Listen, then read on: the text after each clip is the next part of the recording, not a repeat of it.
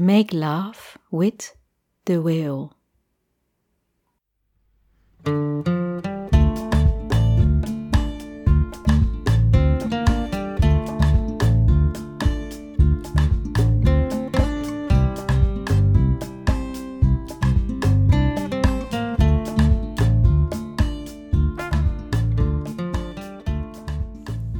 Welkom. Tof dat je luistert naar Walvispot. In deze podcastserie neem ik je mee op mijn walvisreizen. En ik vertel over de communicatie, inzichten en wijsheden van de walvissen. Ik ben Mario van Dam. En het begon allemaal in 2006, toen de walvissen geheel onverwachts mijn leven binnenzwommen. En ze zijn nooit meer weggegaan. Ze vormen een belangrijk deel van mijn leven en ze zijn een deel van mij, net zoals ik een deel van de walvissen ben. Er is een mooie, zuivere, liefdevolle verbinding tussen ons ontstaan. En ik reis de hele wereld over naar de beste plekken om met walvissen in contact te zijn. Vijftien jaar lang mag ik mij al onderdompelen in de wonderenwereld van de walvissen. Magische ontmoetingen, avonturen op zee en gesprekken tussen de walvissen en mij. En wanneer ik niet op reis ben, ontmoeten we elkaar over oceanen en landen heen. Wat een prachtig leven. Ja, ik ben absoluut totally in love met de walvissen. Ik heb het altijd voor mezelf gehouden. Slechts gedeeld met een klein clubje mensen die me dierbaar zijn. Maar nu voelt het als het juiste moment om onze verhalen te delen met de rest van de wereld. De verhalen van de walvissen en van mij.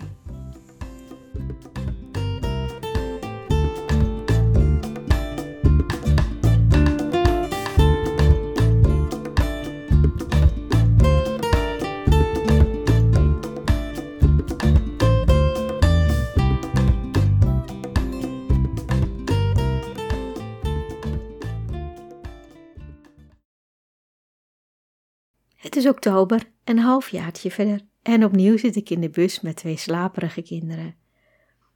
Op het eerste gezicht lijkt er niets veranderd, maar integendeel, er is juist heel veel veranderd. De jongste is van de basisschool naar het VWO gegaan en de middelste van het VWO naar de universiteit. Het is echt nog wennen voor ze, andere docenten, andere omgeving, nieuwe leerlingen, Daarom vind ik het dubbel zo geweldig dat ze opnieuw met mij in de bus zitten, zo vroeg in de ochtend, en mij wegbrengen. Op het vliegveld ontmoeten we reisgenoot. Ik kort het af naar RG.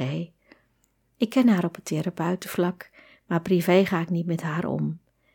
Zij had een relatie met Ei en Ei was een van mijn behandelaars. Fantastische vrouw. Maar ze is een jaar geleden helaas veel te jong overleden. En RG wilde weer heel graag terug naar het eiland, want ze zijn daar samen ook een aantal keren geweest. Maar ze wil niet, ze wil niet alleen, dus ze had gevraagd of wij samen kunnen gaan en samen een appartement kunnen delen. Ik heb er even over nagedacht. C is er niet bij dit keer, dus voor mij is het oké. Scheelt ook gewoon serieus in de kosten om samen een appartement te delen. De hele reis gaat ongelooflijk voorspoedig. En Rond een uur of drie staan wij al voor de balie bij het appartementencomplex en ik zeg tegen RG: Ongelooflijk, zo snel ben ik nog nooit hier geweest. Nou, dat had ik nou net niet moeten zeggen. Want op dat moment blijkt dat er een foutje is gemaakt met onze boeking. Wij boeken altijd een appartement met zeezicht, maar ja, die zijn allemaal bezet. Ja, die man achter de balie snapt er ook niks van. Nou, ze willen ons een of ander achteraf appartement geven. Ik zei, nou, dat ga ik niet doen. Wij betalen gewoon een stuk meer voor een appartement met zeezicht. Dus kan er iets anders geregeld worden? Nou, uiteindelijk zoeken, zoeken. Vinden ze toch een appartement met zeezicht? Nou, wij blij naar boven. En wanneer we boven komen, zien we dan nou een heel klein glimpje zee. En onder ons balkon, wat ook nog eens heel klein is, een aggregaat die de hele tijd staat draaien. Hier ga ik gewoon niet zitten. Ga ik gewoon niet doen. Zeg belachelijk is een een of ander hok waar ze ons ingestopt hebben.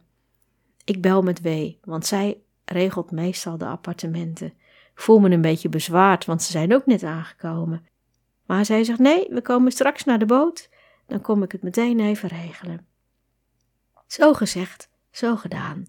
Binnen een half uurtje is ze bij het appartementencomplex en ze gaat op hoge poten naar de balie, komt een kwartiertje later terug en zegt: Het is geregeld, maar jullie kunnen morgen pas in het andere appartement. Het zij zo. Ik ben al lang blij dat we morgen weer aan zee zitten. W en K zeggen: Gaan jullie even mee eh, varen? We gaan niet zwemmen, we gaan alleen eventjes varen en dan doen we een soort herdenkingsmoment voor ei. Nou, dat lijkt ons een heel goed idee.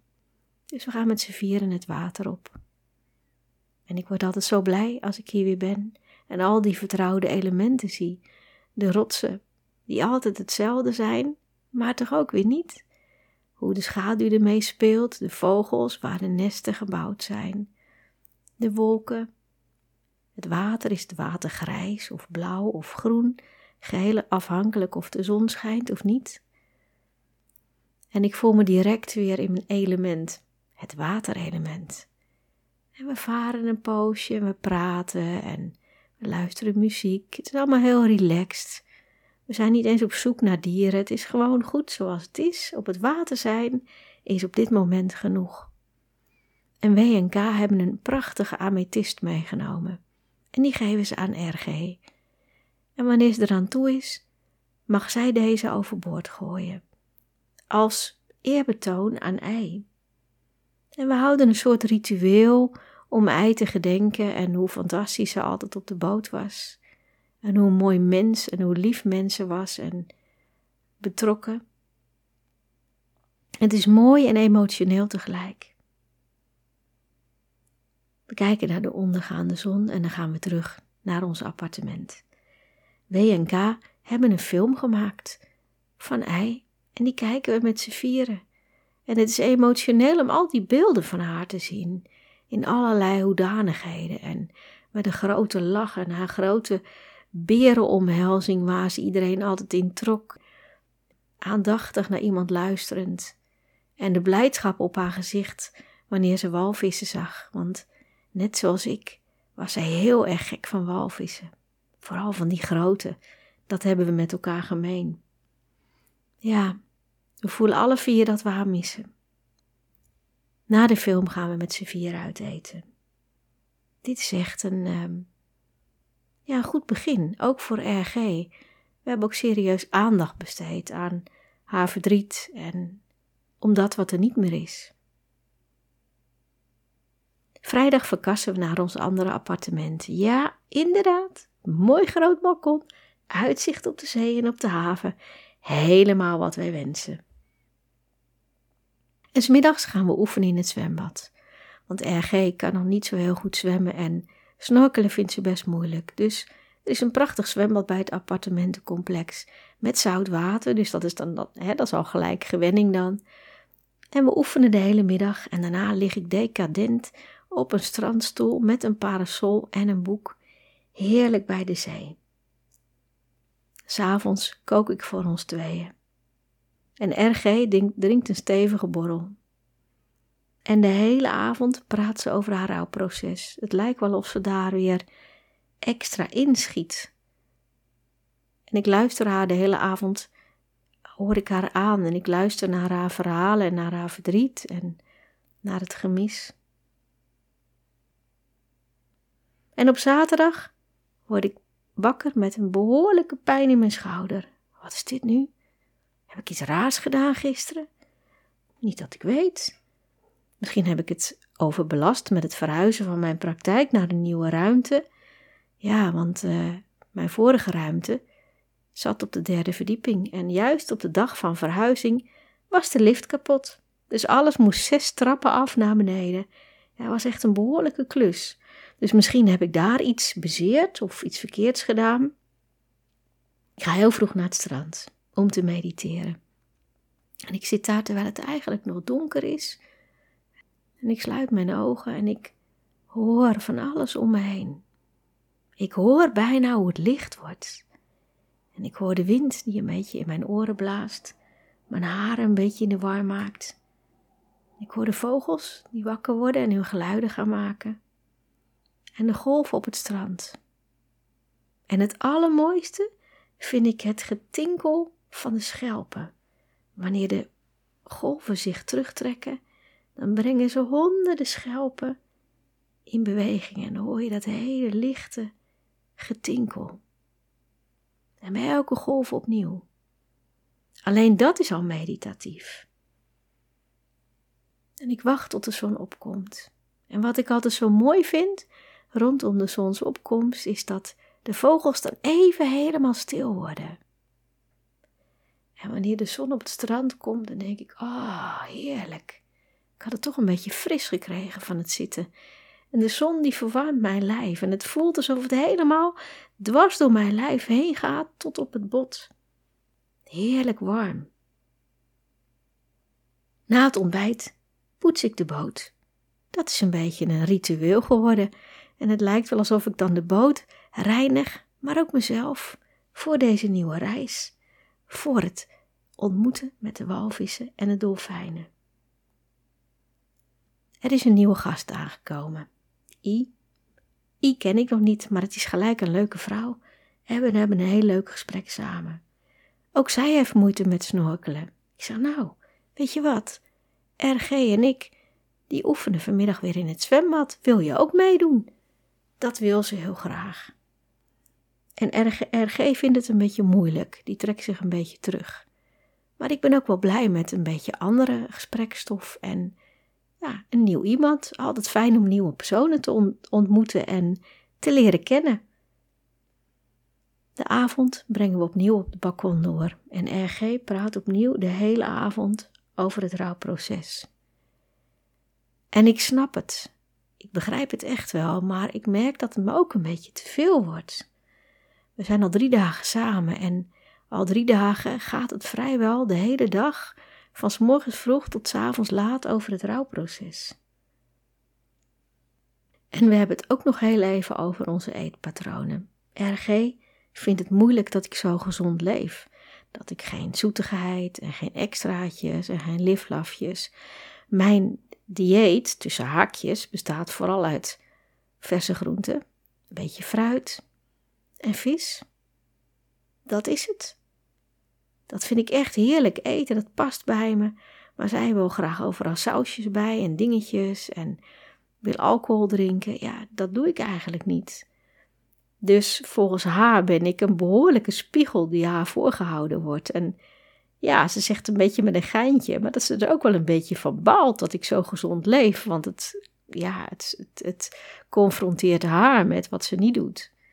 Ja, zegt ze, en dan ben je ook nog eens verschrikkelijk sportief. En ik ben dat niet en uh, ik kan dat allemaal niet. En uh, ook dat snap ik. Maar ja, wat kan ik eraan veranderen? Ik ga niet anders eten, ik ga ook geen borrels drinken.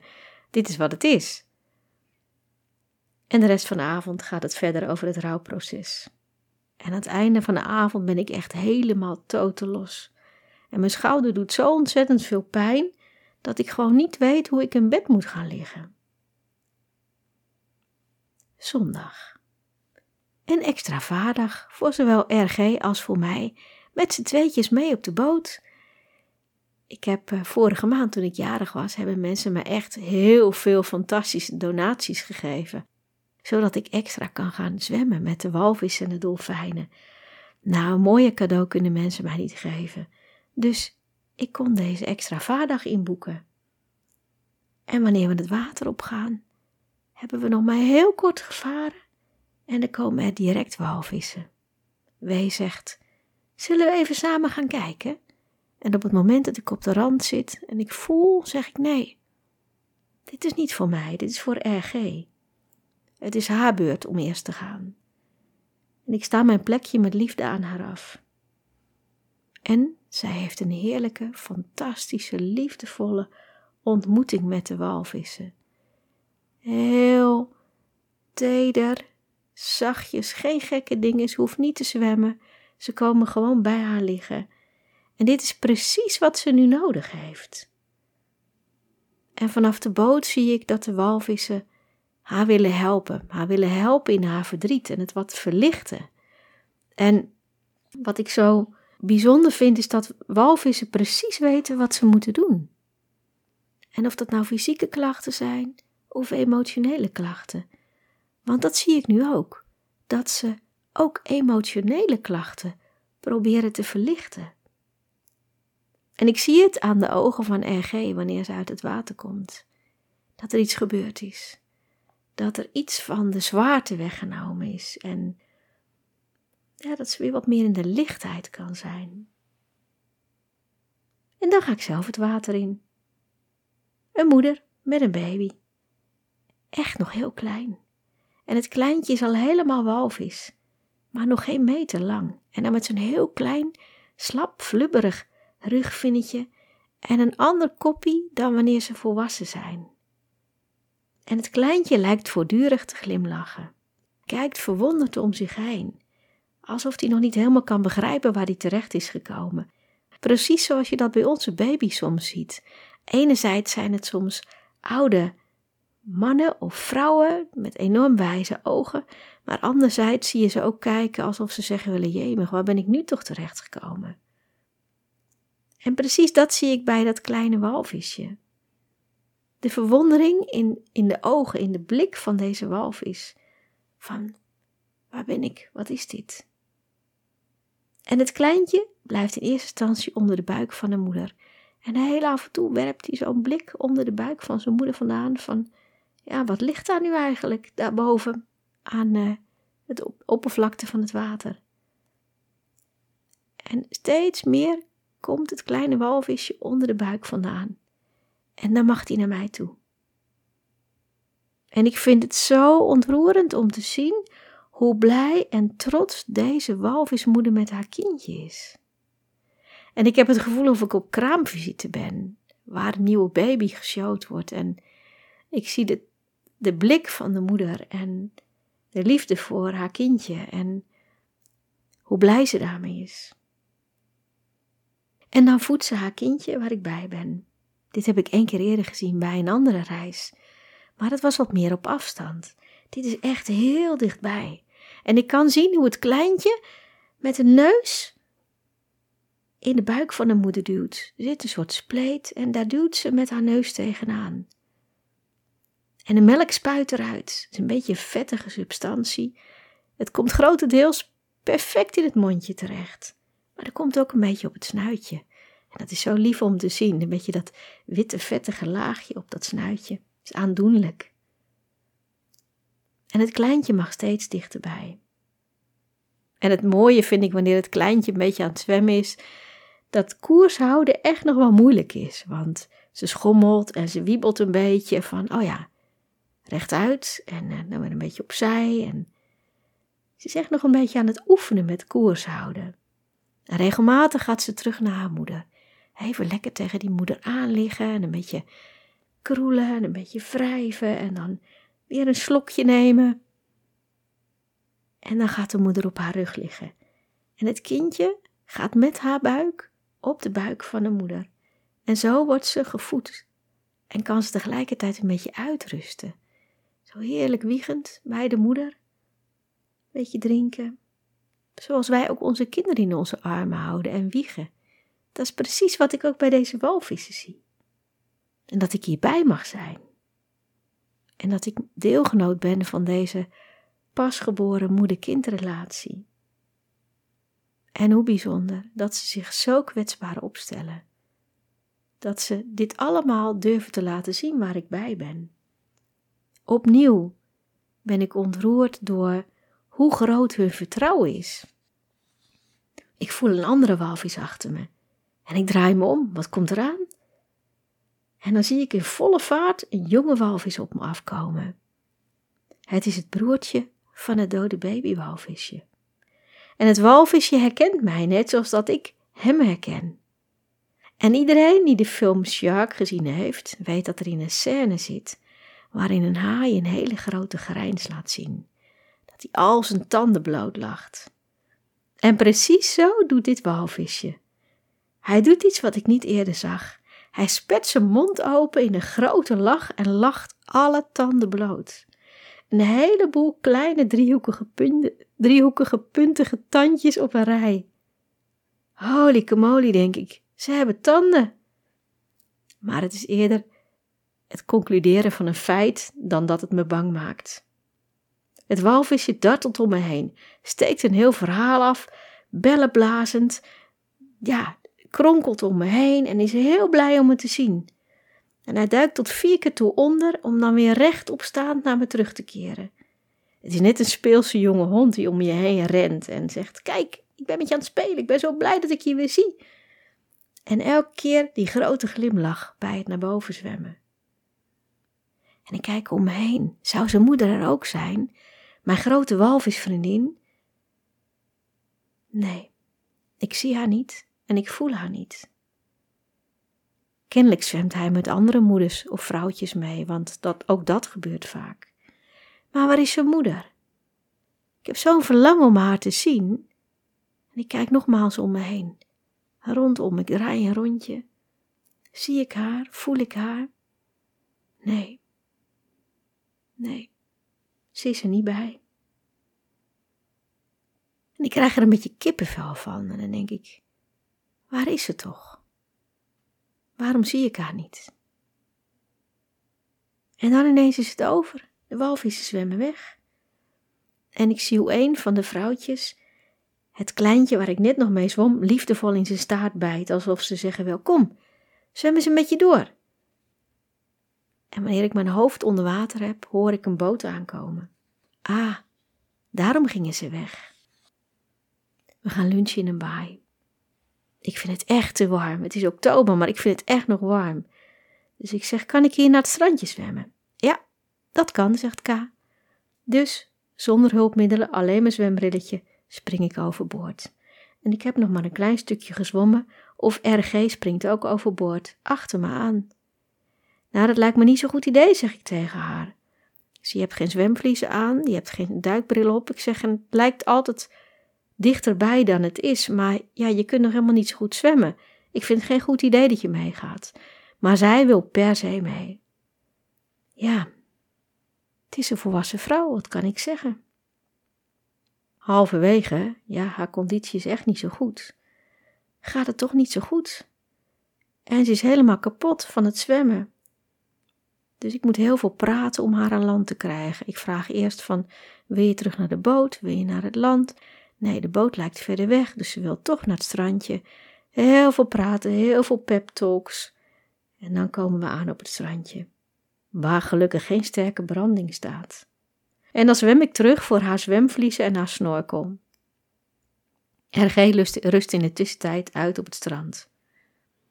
En wanneer ik weer bij haar terugkom, zeg ik: Nou, blijf jij nog even lekker zitten. Ik ga even die ruïne daarboven bekijken. En ik klim naar boven op mijn blote voeten over die zwarte lavastenen. Niet te lang blijven staan, dat gaat niet. Maar het zijn mooie platte stenen en ik kan heel makkelijk naar boven klimmen. En wanneer ik bij de ruïne aankom, heb ik een prachtig uitzicht over de baai en zie ik onder mij ja, de boot dobberen op het mooie turquoise water en ik zie W en K lekker op de boot liggen zonnen. Misschien zijn ze wel in slaap gevallen zelfs. En ik hoor de wind een beetje fluiten tussen de afgebrokkelde muren. Dit zijn er nou van die hele stille plekken waar verder niemand is. Een half uurtje later ben ik weer terug. RG is voldoende uitgerust. En ik vraag haar of ze eraan toe is om terug te zwemmen. Dat is ze. En halverwege gaat het helemaal mis. Ze raakt helemaal in paniek. En ze klampt zich aan me vast, trekt mijn kopje onder. En het kost me gewoon moeite om los te komen en weer boven te komen. En ze raakt nog meer in paniek. En dan moet ik echt boos worden. Ik zeg: Je kan echt niet aan mij gaan hangen. Het is hier tientallen meters diep. Ik kan hier niet staan. Als je aan me hangt, dan verdrink ik. Je hebt zwemvliezen, je kan ook heel goed gaan drijven. Het is zout water. Als je op je rug gaat liggen, wanneer je moe bent en rustig in en uitademt, komt het allemaal goed. Maar je mag absoluut niet aan mij hangen. Ja, ze vindt het nog steeds moeilijk. Het kost echt heel veel tijd om haar bij de boot te krijgen. Wanneer ze het trapje opgaat, dan zeg ik tegen mezelf: Dit was eens en nooit meer. Dit ga ik gewoon nooit meer doen. Ik hoor nog steeds mijn zweminstructeur die zegt dat dit de manier is hoe mensen verdrinken, allebei. Omdat er één in paniek raakt en de ander naar beneden trekt. Dit ga ik dus echt nooit, nooit, nooit meer doen. En WNK, die hebben alles gemist. Die hadden muziek aan en die hadden me zo hard aanstaan dat ze het gewoon helemaal niet gehoord hebben. Beetje jammer, anders hadden ze misschien wel te hulp kunnen komen. En op de terugweg zien we surfende walvissen, die aan het spelen zijn met de golven. Ze gedragen zich als dolfijnen. En ze bewegen zonder enige moeite door de golven. En af en toe zie je een staart omhoog komen, of een gekromde rug, of een hoofd boven water. Machtig mooi om naar te kijken. Maandag is een rustdag. RG en ik gaan op stap, sterren kijken op de vulkaan. Althans, ik. Want RG vindt het eigenlijk te koud en valt in slaap in de auto en wil ook niet meer naar buiten. Ik ga in mijn eentje liggen, op de stenen. Ik zoek een soort plekje waar ik mij tussen kan nestelen, een beetje uit de wind. En een steen waar ik mijn hoofd op kan laten rusten. Ik heb drie dekens bij me. Het voelt echt alsof het vriest, zo koud is het. Dus ik leg twee dekens onder me en eentje wikkel ik me in. En dan kijk ik naar de sterrenhemel. En hoe fijn ik het ook altijd vind om dit met anderen te doen, in mijn eentje is het wel heel speciaal. Want ik hoor nu echt helemaal niets. Er is niemand die tegen me praat. Ik hoor geen ademhaling of geen kuchjes van anderen. Het is helemaal stil om mij heen. En dan zie ik ook nog een vallende ster. En mag ik een wens doen? We gaan ook nog de vulkaan op en maken er een mooie dag van met z'n tweeën. Dinsdag is het de eerste vaardag van de vijfdaagse. Ik kon vannacht niet slapen van de pijn in mijn schouder. Ik weet niet meer hoe ik moet liggen, of ik moet zitten of gaan staan of gaan douchen. En ik ga uit bed om twee paracetamol in te nemen. En ik trek een kaartje. Ja, ben nu toch al vroeg wakker. En ik vraag voordat ik het kaartje trek of ik duidelijkheid kan krijgen over mijn schouder. En dan trek ik een kaartje van: je hoeft niet de hele wereld op je schouders te nemen. Nou, dat is echt wat toepasselijk zeg. Ja, ik weet precies wat er bedoeld wordt. Ik ga vaak te veel mee in processen van anderen, de energieën van anderen, emoties van anderen. En de afgelopen dagen heb ik vrijwel continu met RG gepraat over haar rouwproces. Ik heb, we hebben zoveel gepraat dat ik volledig aan mezelf voorbij ben gegaan. En daarnaast heb ik gemerkt, is RG erg, erg afhankelijk. Ze doet vaak een beroep op me. Of het nu gaat over geld pinnen, eten bestellen, iets dat ze kwijt is. Ze vraagt continu om hulp. En ik merk dat ik daar moeite mee heb. De meeste mensen vinden mij de ongeveer de meest geduldige persoon die er is. Ik zelf denk niet dat het zo is, maar heel veel mensen vinden dat ik echt heel veel geduld heb. Maar ik merk toch dat ik niet zoveel geduld heb met mensen die zich erg afhankelijk opstellen, die niet zelfstandig zijn. En ik lees het kaartje en de beschrijving die erbij staat en dan denk ik, ja, ik mag mijn grenzen leren aangeven. Dat is mijn manco te vaak over mijn grenzen laten gaan. Ik wil altijd iedereen helpen, maar nu help ik RG het meeste door haar los te laten en haar zoveel mogelijk haar eigen zaken te laten regelen, ook al gaat het fout. Het is beter voor haar en voor mij. En voor het varen spreek ik even met WNK. En ik vertel dat ik het kaartje getrokken heb en voel dat RG het is echt een schat, maar ze hangt gewoon te veel aan me. En of ze haar samen met anderen willen laten zwemmen in plaats van met mij. En WNK zeggen dat ze het al gezien hadden, dat het zwaar voor me is. En dat het echt wel moeilijk is om met haar samen een appartement te delen. En W stelt voor dat zij of K met RG gaan zwemmen, zodat ik op mezelf kan zwemmen. Daar ben ik echt heel dankbaar voor. We maken kennis met een leuke nieuwe groep, waaronder een collega. En eerst gaan we oefenen in de baai, want heel veel mensen hebben geen ervaring met snorkelen. En dan is het makkelijker om dat eerst even in de baai te doen, zodat iedereen ook de zekerheid heeft van ik kan dit en vertrouwen hebben en ja, ik snap dat. Ik ga lekker baantjes zwemmen in de baai. Gekke woord hè, baantjes zwemmen. Alsof er hier lijnen getrokken zijn zoals in een zwembad. Er is helemaal niks banerigs aan, maar ik ga wel lekker heen en weer zwemmen. En ik zwem helemaal mijn hoofd leeg. En daarna ga ik lang drijven op de golven.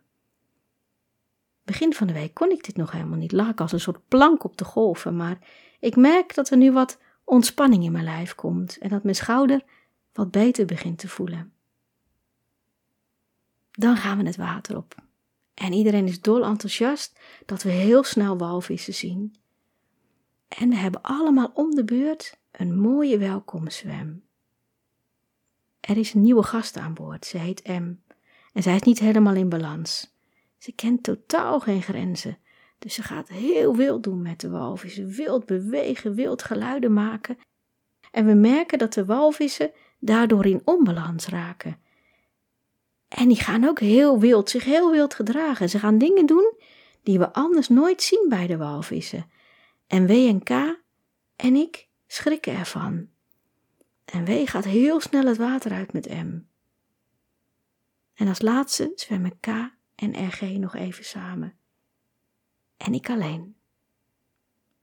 En de walvissen verwelkomen mij als een familielid die ze gemist hebben. En ze laten me voelen van, je hoort bij ons, bij onze familie. En komen weer heerlijk dicht bij me liggen.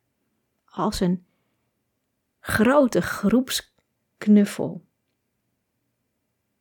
En dat was het voor die eerste vaardag. Prima. Iedereen heeft walvissen gezien, is in het water geweest, heeft geoefend met snorkelen, dus een mooiere dag konden we ons niet wensen. En na het diner wandel ik met mijn collega. Het is een heerlijke temperatuur buiten en het ruikt zo lekker naar bloeiende bloemen en naar oceaan. En, en wanneer we daar lopen, realiseer ik mij dat de mooiste dingen in het leven toch echt gratis zijn.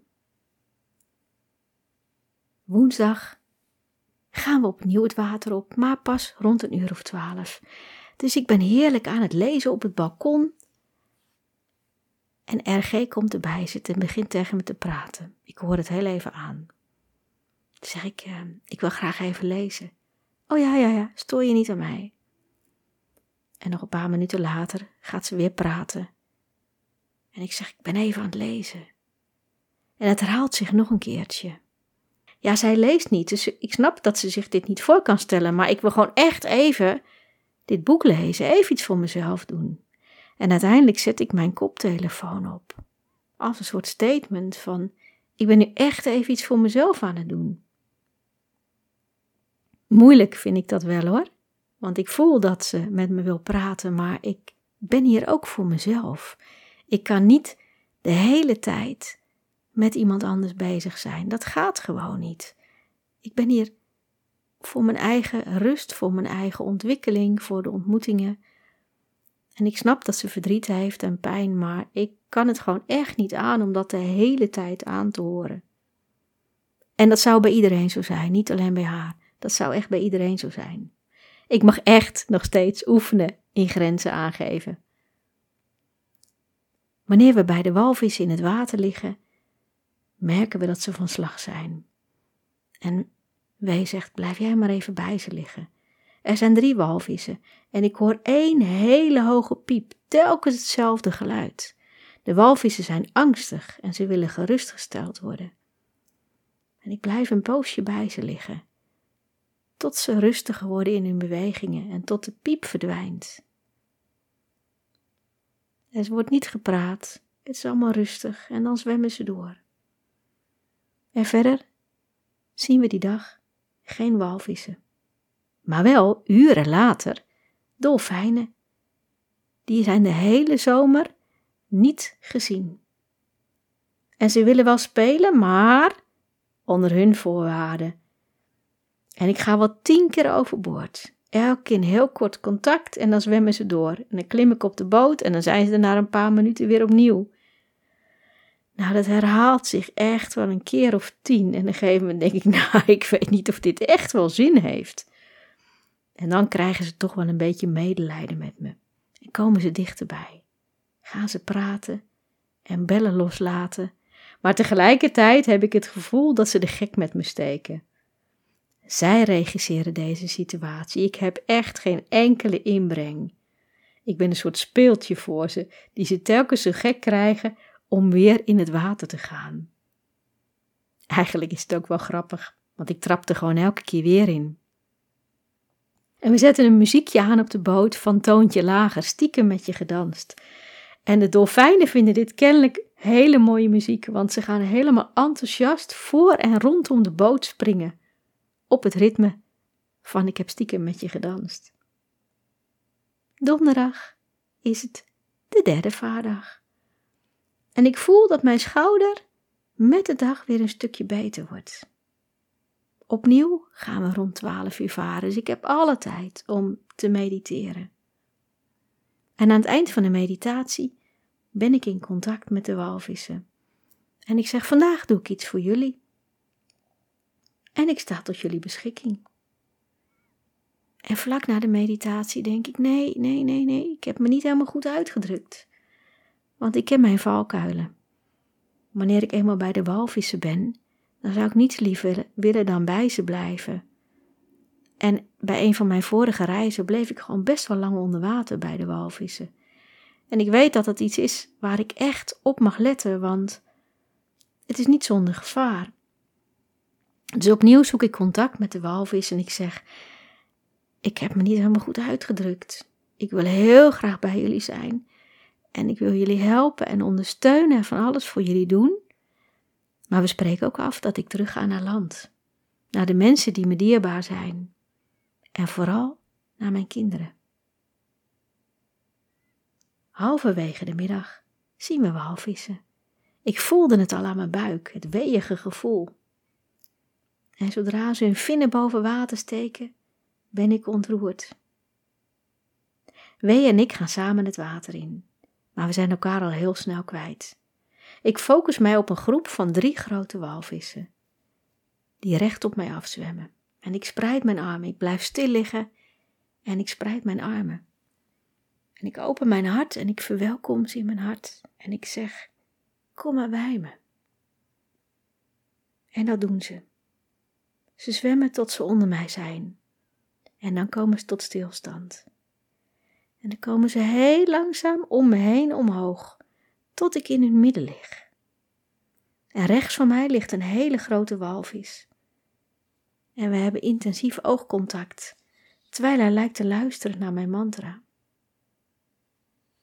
En ze blijven heel stil liggen. Alle drie de grote walvissen. En dan gaat die hele grote die naast me ligt, waar ik oogcontact mee had, schuin naar beneden en komt recht onder mij liggen.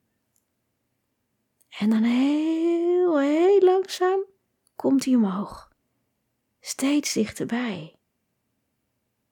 Wauw, denk ik, wat gebeurt hier? Steeds dichterbij. En op ongeveer 10 centimeter onder mijn buik, we raken elkaar net niet, stopt de walvis. Ik stop met neurieën, terwijl ik daar boven zijn rug lig. En we blijven allebei heel stil liggen. En later zei Ka dat het op de boot leek alsof ik op zijn rug lag. Making love with the whale noemt hij het. En zo voelde het ook. En zo blijven we daar samen liggen. En ik lig boven de walvis, met mijn armen uitgespreid. En dan beweegt de walvis weer naar opzij en komt weer naast me liggen, heel dicht tegen me aan. En kijkt me weer intens aan. En ik begin opnieuw met mijn mantra. En wanneer ik even om me heen kijk, zie ik dat de cirkel met de walvissen groter is geworden. De andere walvissen liggen er omheen met nog een extra cirkel. En ik hoor wee ergens zingen op de achtergrond. Maar ze wordt niet toegelaten in deze groep, in deze cirkel. En dit is een oneindig moment in de oneindige zee. Ik los op Het denken houdt op. En ik voel me één met de walvissen. En dan ineens, patsboem, zijn ze weg. En ik hoor een luid geronk. Een andere boot. En wanneer ik met mijn oren onder water luister naar het geluid van die motor, dan denk ik, hoe verschrikkelijk voor die walvissen, dat ze altijd maar die herrie moeten aanhoren onder water. En K roept dat we er snel uit moeten. Op de boot vraagt W wat er gebeurde. Ze zegt: Je lag lekker aan zijn batterij. Maar zo voelt het voor mij niet. Het was eerder andersom. Dit keer gaf ik de walvis energie. En heb ik ze allemaal meegenomen in die energie. Energie die niet van mij is, maar die gewoon van buiten mij komt en die ik door mocht geven. En dat ik de walvissen bedankt heb voor alles wat ze doen voor de aarde en voor de mensheid. Voor het zuiveren. Voor hun harde werken. En dat wilde ik voor ze terugdoen. Energie geven. K zegt, je lag als een engel boven de walvissen. Ja, dat zegt hij mooi. Zo voelt het. Als een beschermengel. De andere boot blijft liggen en wij gaan weg. De wind trekt aan. Van het een op het andere moment zien we witte koppen op de golven. En het water spat in grote golven over me heen. Thuis vind ik dat verschrikkelijk. Dan zie ik eruit als een verzopen kat, maar hier maakt het me allemaal niet uit. We gaan in een baai waar het lekker rustig is, lekker voor anker. En ik zwem naar het strandje. En wanneer ik er aankom en ik ga staan, word ik volledig omvergeblazen door een hele grote golf. Ja, dat is echt les 1, hè? Kijk af en toe even achterom. Nou, dat heb ik dus niet gedaan. Ik word helemaal op zijn kop geworpen. En even weet ik niet meer wat boven en onder is. Ik zie water, schuim, bellen, zand. En ik tuimel rond tot de golf zich terugtrekt. En het kost me moeite om overeind te komen in deze branding. En werkelijk overal zit zwart zand in mijn oren, in mijn mond, in mijn bikinibroekje en het schuurt onder mijn bikini. En ik loop door de woeste branding heen en ga heerlijk op een warme lavasteen liggen. Dat voelt ja, een soort hot stone, hè? hot stone massage, maar dan gewoon lekker stil liggen.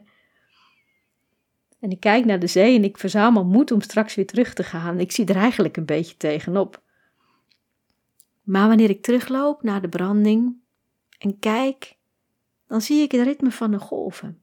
Heel vaak komen er twee grote golven en dan komt er even een soort van pauze. En precies in dat pauzemoment duik ik opnieuw de zee in. En bij hoge golven duik ik, duik ik onder en ik zwem onder de hoge golven door. En eigenlijk, voordat ik het weet, ben ik al voorbij de branding. En terug op de boot. In de haven gaan we met z'n allen dineren. Er worden kannen sangria besteld. Laat ik een keer meedoen. Echt lekker sangria, drinkt echt als limonade trouwens. En W en K gaan nog even mee naar ons appartement. En ze halen RG over om haar typetjes te spelen. Dat kan ze namelijk heel goed. En ze speelt dronkenlap, koningin Sinterklaas. En Sinterklaas is het meest hilarisch van alles. Daarvoor doet ze een rode BH op haar hoofd en houdt ze een bezemsteel vast. En K en ik moeten zo ongelooflijk lachen dat we gewoon van de bank rollen op de grond. En de dag erna horen we van de mensen die in het appartement verderop zitten dat ze ons konden horen lachen, drie appartementen verderop. Maar hoe heerlijk om even zo ongegeneerd te lachen en helemaal los te gaan.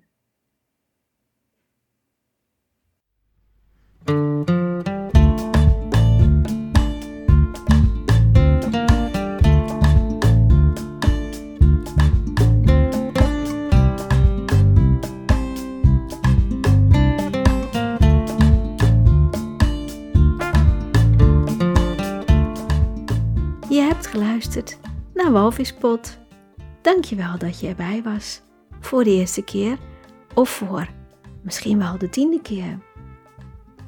In deze aflevering heb je kunnen luisteren naar hoe ik geworsteld heb met het aangeven van mijn grenzen. hoe dolfijnen mij tien keer achter elkaar het water in en uit lieten gaan. En hoe ik als een engel boven de walvis lag. En zoals Ka zo mooi zei, make love with the whale. Want zo voelde het. De volgende keer vertel ik over hoe ik intens geniet van het zwemmen met anderen. En hoe dat betoverend mooie momenten oplevert. Dat Wee een verschrikkelijk lied opzet, wat daarna de hele tijd in mijn hoofd blijft hangen. En zwem ik in de Kalverstraat op de oceaan. Wil je weten waar dit allemaal over gaat? Ja, dan eh, kan je over twee weken naar het vervolg luisteren. Mijn naam is Mario van Dam. Je kunt me vinden op Instagram onder de naam whale.woman. Ik heb ook een website whalewoman.nl. En voor mijn praktijk kun je kijken op flow-siatsu.nl. Heb je deze podcast mooi gevonden? Dan zou je deze kunnen liken, delen en review schrijven.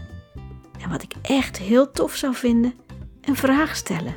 Die kan ik over een poosje misschien wel een aparte aflevering opnemen met vragen en antwoorden. Dat lijkt me echt super tof. Nogmaals, heel veel dank voor het luisteren en heel graag tot de volgende keer hier of op social media. Ik ben graag met je in contact. En tot slot ter overweging: als jij je grenzen niet aangeeft, weten anderen niet waar jouw grenzen liggen.